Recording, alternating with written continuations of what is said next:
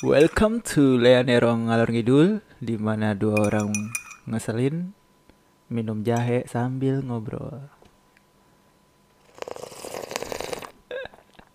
Aku masuk angin. Oke, jadi baru eh, oke, jadi kita baru nonton White Lion ya. Judulnya. White Tiger. ya tadi ngomongnya lion mulu. Ya lupa aku. Singa ya? Eh macan ya? Macan putih. Oke, jadi Udah eh, kayak judul drama-drama Cina gak sih? Iya, aku mikir kayak kungfu kungfu gitu tapi India.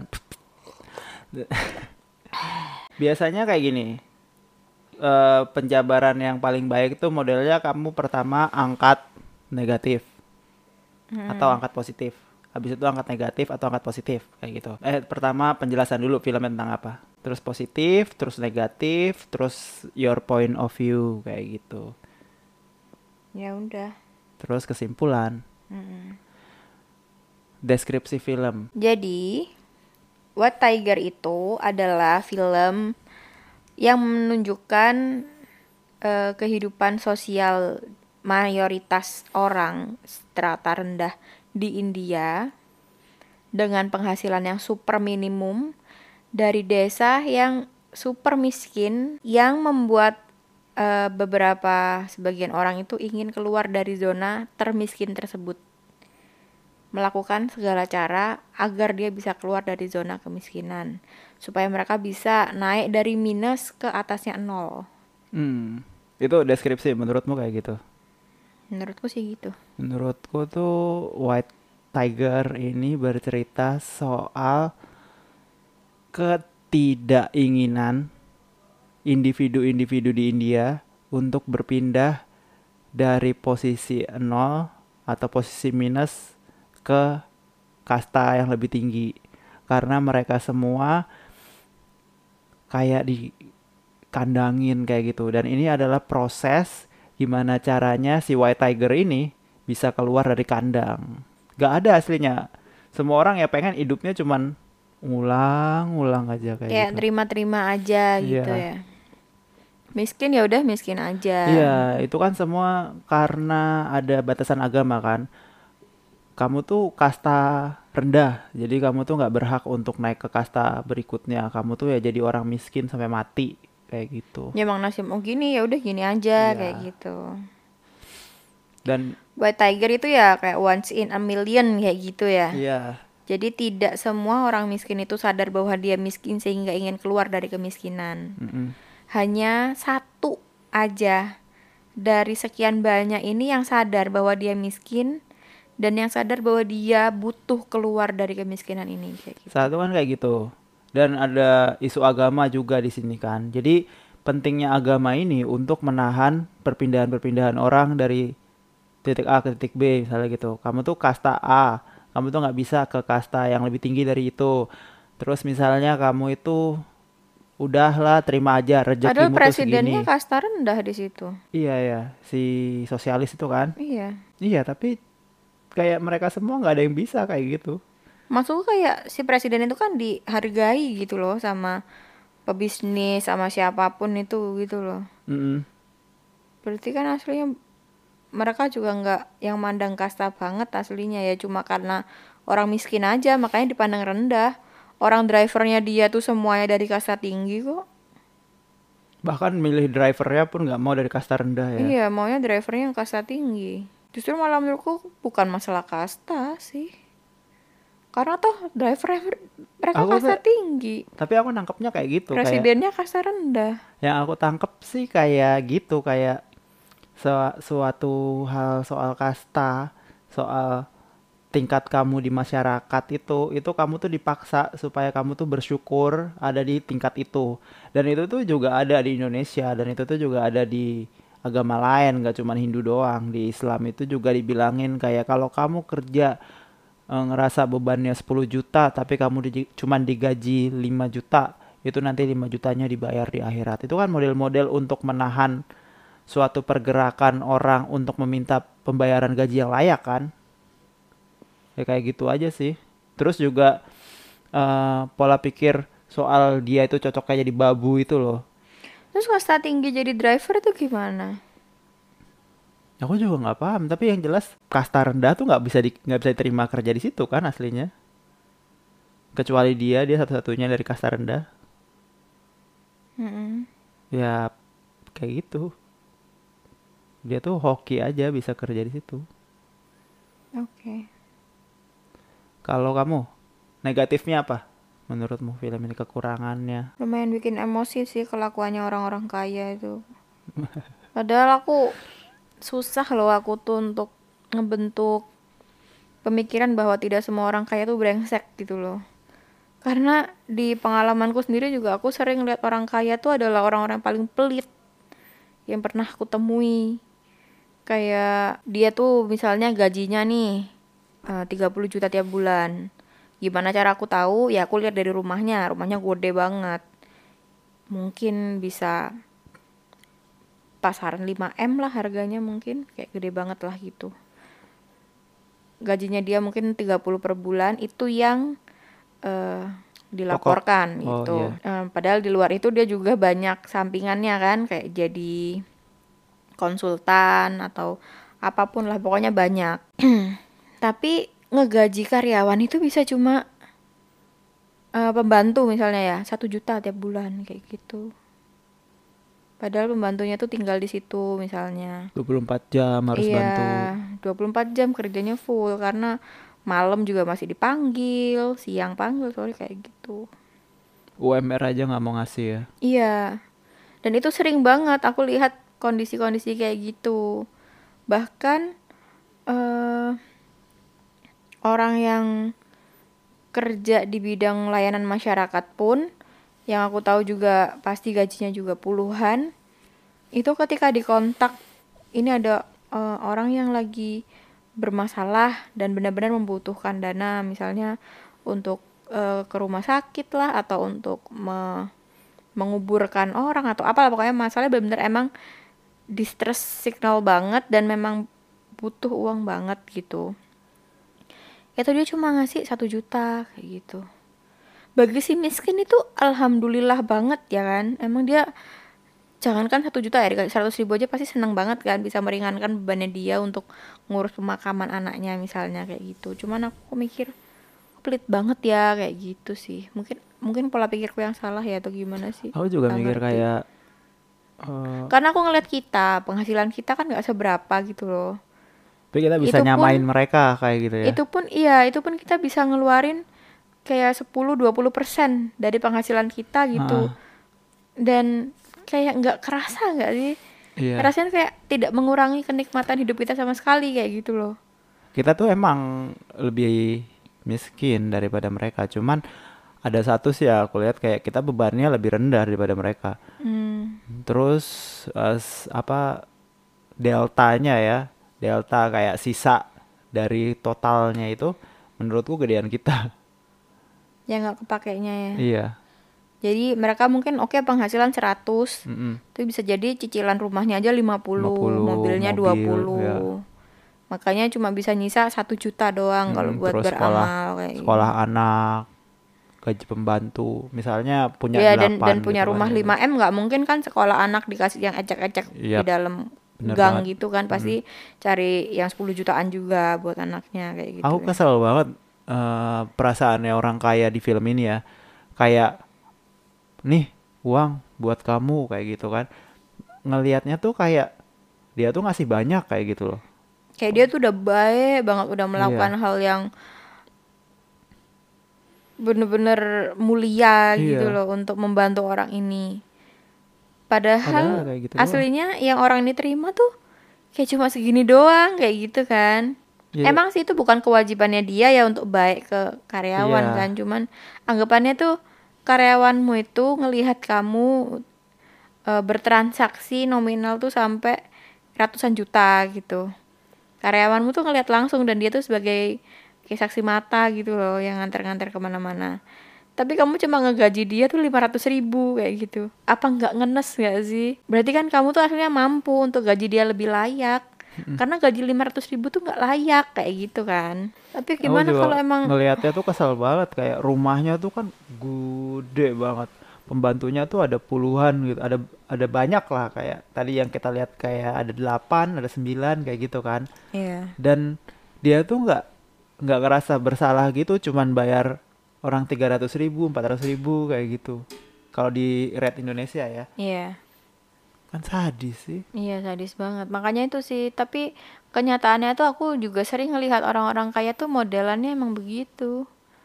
Lebih baik punya dua orang pembantu, masing-masing digaji di bawah layak dibandingin punya satu tapi bisa digaji layak kayak gitu.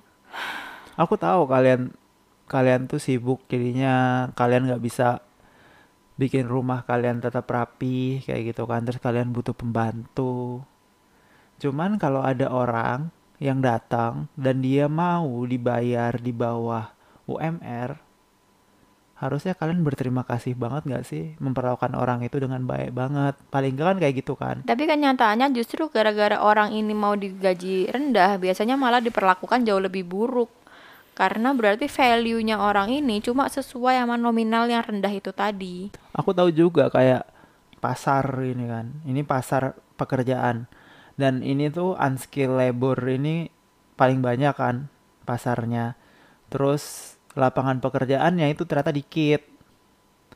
Jadinya bunuh-bunuhan pasar sama lain yang satu bilang aku bisa kok digaji di bawah UMR 50% UMR sampai 20% UMR ada yang ngasih kayak gitu kan jadi mereka sendiri udah lomba-lomba gimana caranya. Mereka dibayar paling rendah kayak mau dibayar berapa? Oh enggak nggak usah anggap aja aku keluarga keluarga masa dibayar. Kayak gitu ngeselin banget. Dan itu tuh kayak eh, bangga Tapi buat beberapa orang kayak gitu. sih lebih baik nggak digaji tapi bisa dapat tempat tinggal dan makan daripada dia harus tetap gelandangan di pinggiran jalan banyak yang kayak gitu. Aku nggak bilang di luar sana itu parah ya. Aku malah ngerasa kayak ya emang eh, ke- keadaannya kayak gini memaksa orang-orang tet- untuk tetap mau kerja dibayar UMR kayak gitu. Tapi Soalnya- tetap wajib sih menurutku setiap employer itu menggaji karyawannya sesuai UMR di daerah masing-masing paling enggak sih itu. Supaya bisa hidup kan. Kalau ya. full time ya kan, kalau part time ya harus ngikutin aturan eh, kerja part time tuh berapa per jamnya mm, kayak mm. gitu sih. Itu wajib banget. Ya walaupun orangnya bilang nggak apa-apa digaji murah aja, yang penting saya dapat kerjaan ya. Tapi as a human ya lakukanlah human decency bare minimum itu yang ngikutin UMR daerah itu aja. Ya UMR itu ada hitungannya ya. Jadinya kayak kalau daerah standar itu bisa hidup. hidup. yang layak di situ. Ya kita siapa sih yang nggak mau buat ngasih kehidupan yang layak buat orang lain karena kita sendiri kan juga pasti pengen hidup layak. Oke, Ini negatif, positifnya. panjang banget ya negatifnya ya. Bukan Karena karena tuh terlalu nyentil kehidupan sosial banget Iya. kan sebenarnya kan. Kalau aku sih ngerasa banget soalnya kayak itu tuh kejadian nyata walaupun kita tanpa kasta, tanpa apa di dunia nyata kita sehari-hari kita ketemu orang-orang kayak gitu ya, emang. Nah, kalau positifnya aku lihat sih bahwa sebenarnya di dalam tiap-tiap orang itu tidak semua orang punya white tiger di dalam hati mereka. Banyak orang yang ngerasa hidupnya itu ya heaven dengan hidupnya dia as it dengan apa yang dia miliki saat ini tuh sebenarnya udah cukup dan dia nggak ngerasa ada yang salah dengan itu. Misalnya kayak harus bangun jam 5 nyiapin makanan untuk suami dan anak, terus harus berangkat kerja jam 7, kerja sampai jam 5 sore, terus pulang sampai rumah jam 6, terus masak buat makan malam anak sama suami, terus makan bareng, terus beres-beres rumah sampai jam 10, terus tidur. Banyak orang yang mengalami itu dan mereka kayak this is the best job the best job that I had gitu to be a wife and a, mo- a working mother and I'm very grateful for this gitu. Aku nggak bilang itu salah. Cuman kalau dari sisi pandang aku sebagai aku pribadi yang aku tuh ngerasa aku dikurung ya kan selama berapa belas tahun untuk berangkat pagi pulang sore untuk belajar dari mulai TK, SD, SMP, SMA, kuliah. Dan aku ngerasa aku harus terbebas dari itu semua aku nggak mau kayak gitu. Hmm, dalam tanda kutip mungkin mungkin. Itu yang dibilang white tiger itu kali ya. Kayak kesadar gitu. Terus ingin keluar dari uh, genggaman yang tidak terlihat itu tadi sih kalau buat orang Indonesia mungkin genggamannya itu ya mungkin itu tadi ya kayak jadi istri yang gimana atau jadi ibu yang gimana terus itu nggak salah ya. terus dari uh, lingkup uh, genggaman dari orang tua misal harus jadi anak yang gimana kayak gitu. Itu jelas nggak salah cuman tidak semua orang tuh kayak tersadar gitu loh. Kalau itu tuh berat kalau gitu itu ya. berat. Dan ada opsi loh untuk kamu keluar dari situ kayak gitu. Karena banyak Iya, yang iya, ngerasa iya. aku bahagia kok dengan hidup kayak gini. Ini emang berat banyak perjuangan tapi aku bahagia. Ya ya it's your life gitu kan Hmm. itu hak kamu. Dan ya aku bahagia juga kalau kalian bahagia dengan eh, kualitas hidup yang seperti itu. Cuman ada beberapa orang dari kita tuh yang kayak white tiger gitu yang kebangun bahwa aku nggak bisa hidup kayak gini terus aku harus keluar dari zona ini Mm-mm. gitu kayak ngasih sentilan kalau kamu nggak mau ngirim uang ke keluargamu lagi tuh nggak apa-apa itu hakmu itu kerjamu kayak gitu kan Iya, dan itu menurutku poin salah satu poin terbaik dari film iya, itu sih karena kamu tuh mau ngirim uang atau nggak ngirim uang, itu Mm-mm. tidak akan mengubah persepsi keluargamu terhadap kamu. Mereka bakal tetap ngerasa kamu tuh kurang, kurang, kurang. Tetap Dan- harus, harus, harus, harus, harus. Jadi tetap bakal banyak eh, jeruji-jeruji juga. besi dari keluarga itu nggak akan habis kalau kamu ikutin terus kayak gitu. Makanya mungkin salah satu white tiger dari aku juga, aku tuh keluar dari zona cengkraman orang tua kayak gitu kan yang menuntut aku untuk kerja kantoran, punya title, punya punya Lanjut kuliah. jabatan atau lanjut S2 dan nanti bisa jadi dosen atau apa pun lah kayak gitu. Aku lepas dari situ sih, aku nggak mau. Cuman yang kena ya cuma nikah. dan ternyata lebih banyak bagusnya sih daripada enggaknya karena kalau nikah kan nggak ada kewajiban bangun pagi atau apa ya ya sesuka aku aja Kalau- jadinya fine fine kalau tinggalnya di rumah mertua sih ada kayak gitu Iya, untungnya enggak kan. Pasti ada perasaan nggak enak sih soalnya kalau kayak gitu ya. Eh, positifnya sih ya itu tadi ya untuk nunjukin bahwa there are some people in the society that was awakened terus sadar bahwa ha- ada hal-hal yang dia tidak sukai sehingga dia ingin keluar dari situ. dan film ini dibuat untuk membangkitkan white tiger white tiger dari masing-masing orang kan walaupun yang benar. aslinya dia tuh nggak punya white tiger Iya, dia terus tuh kayak kesentil gitu jadi bisa kan. lihat kayak ini nggak bener ah kenapa sih aku harus ngirim uang ke Iya. orang tua ini nggak bener ah kenapa sih aku harus jilat-jilat bos Iya, benar. kayak gitu dan membuat kamu tuh lebih percaya diri sama with with your guts gitu. Kalau kamu pengen ngelakuin apa, percayalah sama dirimu, coba aja kayak gitu. Jadi belum tentu sukses sih emang ya kan. Cuman paling enggak kita udah mencoba mempercayai diri kita sendiri satu kali paling enggak gitu. Kalau aku sih ngerasanya banyak banget ya positifnya dari film ini kayak satu yang tadi kita bilang kan yang ngasih white tiger ke masing-masing orang terus menyadarkan orang-orang kalau hidup tuh bisa kok lebih ringan daripada ini kalau kamu tuh Ada opsi lain. Heeh. dan nggak menjalankan apa yang dianggap sebagai budaya Hmm. Atau tuntutan-tuntutan Tuntutan fana fana, gitu hmm. yang kamu kira itu tuntutan real, padahal sebenarnya itu fana banget karena nggak ada bener-bener jerujinya tuh nggak bener-bener ada gitu loh, cuma ada di kepalamu aja. Ya seandainya kamu melawan pun kamu nggak akan ditembak mati di tempat gitu loh sebenarnya. Itu ya cuma ada di kepalamu aja. Kamu takut keluargamu nggak nerima kamu, kamu takut kamu dimarahin sama ibumu, sama bapakmu kayak gitu karena ketakutanmu tuh sebenarnya nggak real dan ketika kamu melakukan mungkin ibumu bakal ngambek bapakmu bakal kecewa banget sama kamu saat itu.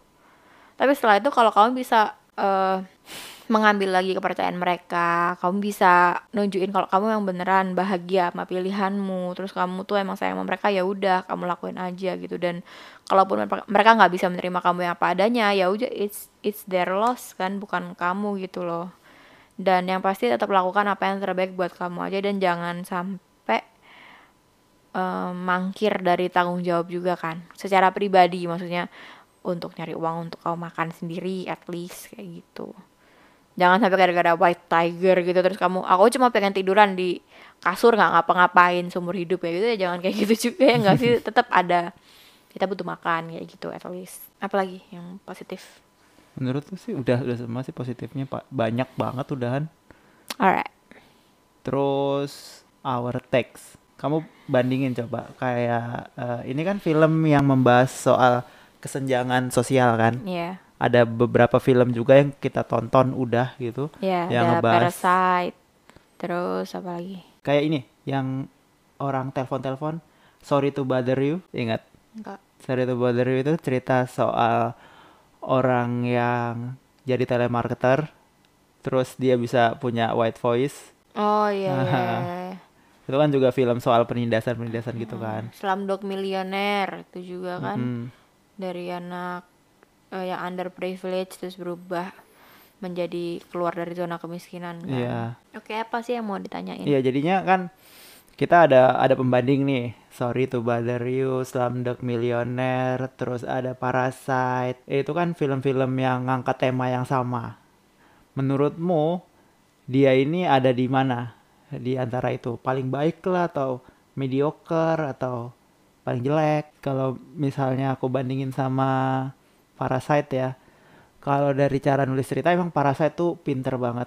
Rapi. Sinematografi itu juga banget. juga dapat banget, terus juga directingnya juga bagus banget, kayak positioningnya mereka, terus ketika di dalam ruangan itu benar-benar digambarkan kemiskinan itu kayak apa dan sangat detail banget kan, Sa- bahkan sampai scene scene per scene-nya itu simet matters. Semuanya. Benar-benar benar-benar penting benar-benar. Iya. Kayak bener-bener grandeur gitu. iya. Hmm. majestic banget. Kayak Cantik, benar-benar hebat cantik, lah ya. cantik benar-benar banget, cakep cantik gitu banget, filmnya. Cuman kalau dari segi cerita aku kurang suka.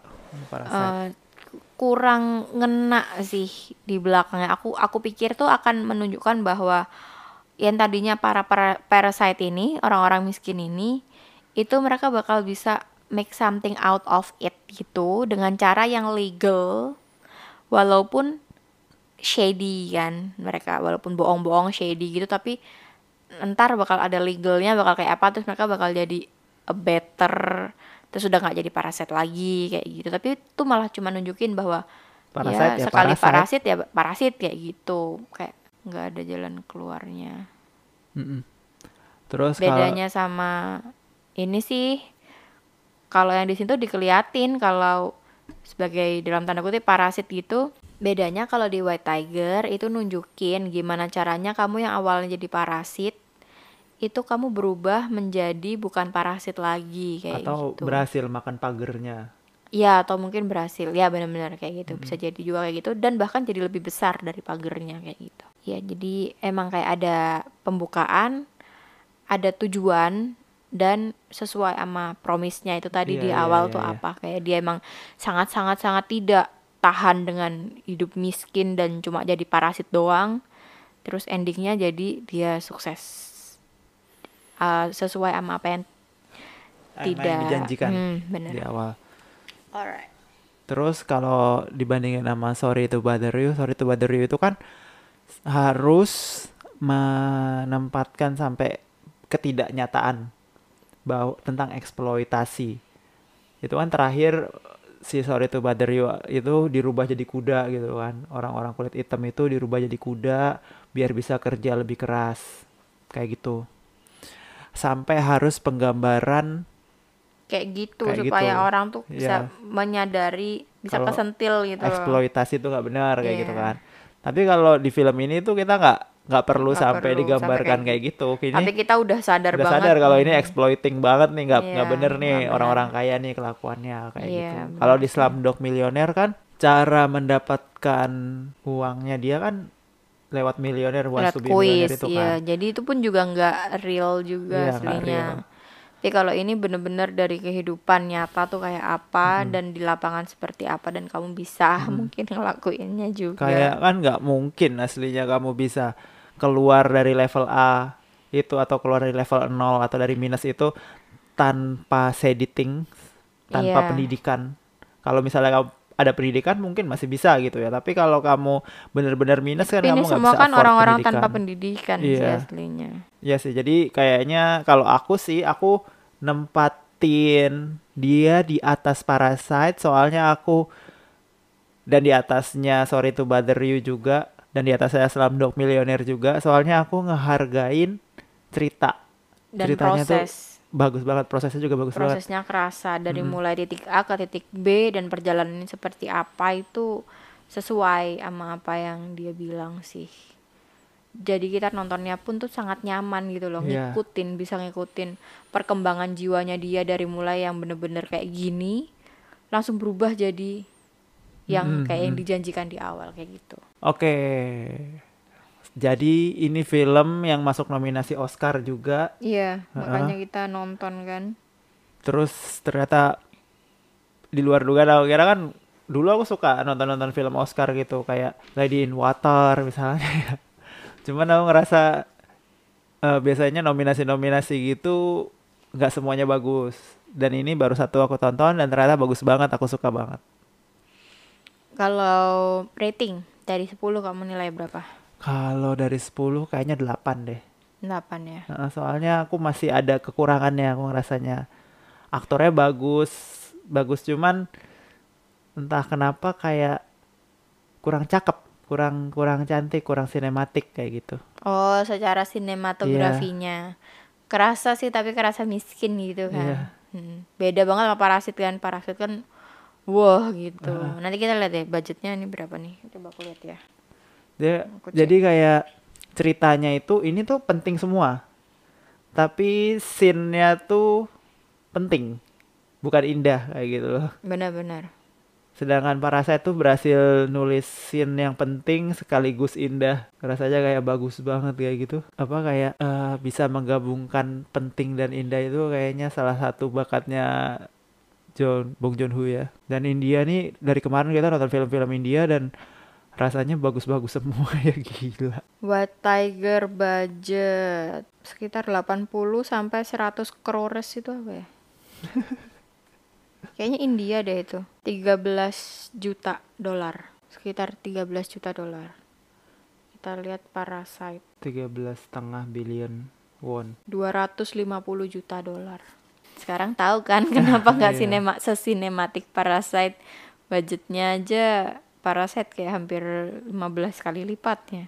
Iya iya, cuman aku ngerasa tetap kayak ada nempatin kameranya atau apa itu Oh, juga sih. masih kurang gitu. Mm-mm. Tapi bisa jadi banget kan karena emang tight budget kayak Ya, mereka jadi nggak ya bisa maksudnya harus cepat gitu ya, Nah, nggak kayak bisa gitu. explore lebih dalam. Iya, nggak bisa explore dari berbagai sisi misalnya. Iya emang sih itu kurang indah ya di mata. Mm-mm. Kayak kekuatannya dia tuh memang ada di ceritanya dan juga aktornya. Mm-mm. Uh bagus banget Seandainya aktornya. ada yang bisa invest mungkin bisa kan Iya. karena bayar aktor kan juga per berapa jam mungkin atau kayak gitu atau pekerjanya at least pasti aduh tapi aku harap banget ya semoga pekerjaannya tuh digaji dengan layak nggak sih ngenes nggak sih bikin film ngomongin soal gaji yang tidak layak gitu Iya, ternyata iya, mereka iya. digaji tidak layak juga kan sedih banget sih Entah kenapa kayak dulu tuh jarang banget loh ada film-film kayak gini. Terus setelah kayak 2015 2016 itu iya mulai ada mulai booming gebrakan banget, gitu gebrakan kan. banget film-film soal ketimpangan sosial iya kan. terus orang-orang sok woke gitu Biasanya ketimpangan sosial tuh kalau mau timpang, wah udah bahas aja Afrika misalnya Iya. kan kayak gitu atau daerah-daerah terpencil, daerah-daerah tertinggal. Padahal kita lupa kalau ternyata tuh deket gitu kan. Kalau misalnya kita Iya. Indonesia aja kita bisa lihat di sekitar kita banyak banget ketertinggalan kayak gitu. iya benar Ya 8 per 10. Kalau kamu? 9 aku kayaknya. Ya sinematiknya masih kurang, tapi kalau aku sendiri soalnya tidak terlalu mm, memberi be- beban besar di sinematik gitu. Karena kayak Avenger aja yang kayak Avenger Assemble ya gitu. Aku malah aku ketawa gitu loh kayak kok bisa denger orang di sisi sini dia ngomong Avenger Assemble. Assemble apa? Assemble. Kayak gitu doang ya. Iya oke ngomong apa sih dia di ujung sono gitu kan gede banget kan lapangannya kan tapi jadi jadi malah kocak sih buat aku ya. Tapi emang apa emang aku kan juga bukan masalah sinematik kayak gitu, cuman Iya, aku paham Ya. kamu. Tapi, tapi maksudnya kan kalau Avenger itu kan aslinya dia udah kayak sinematik Iya, banget iya. gitu kan. Tapi kan kalau emang ceritanya kan ya kayak gitu cerita Iya, superhero iya, mah pasti. iya, I know.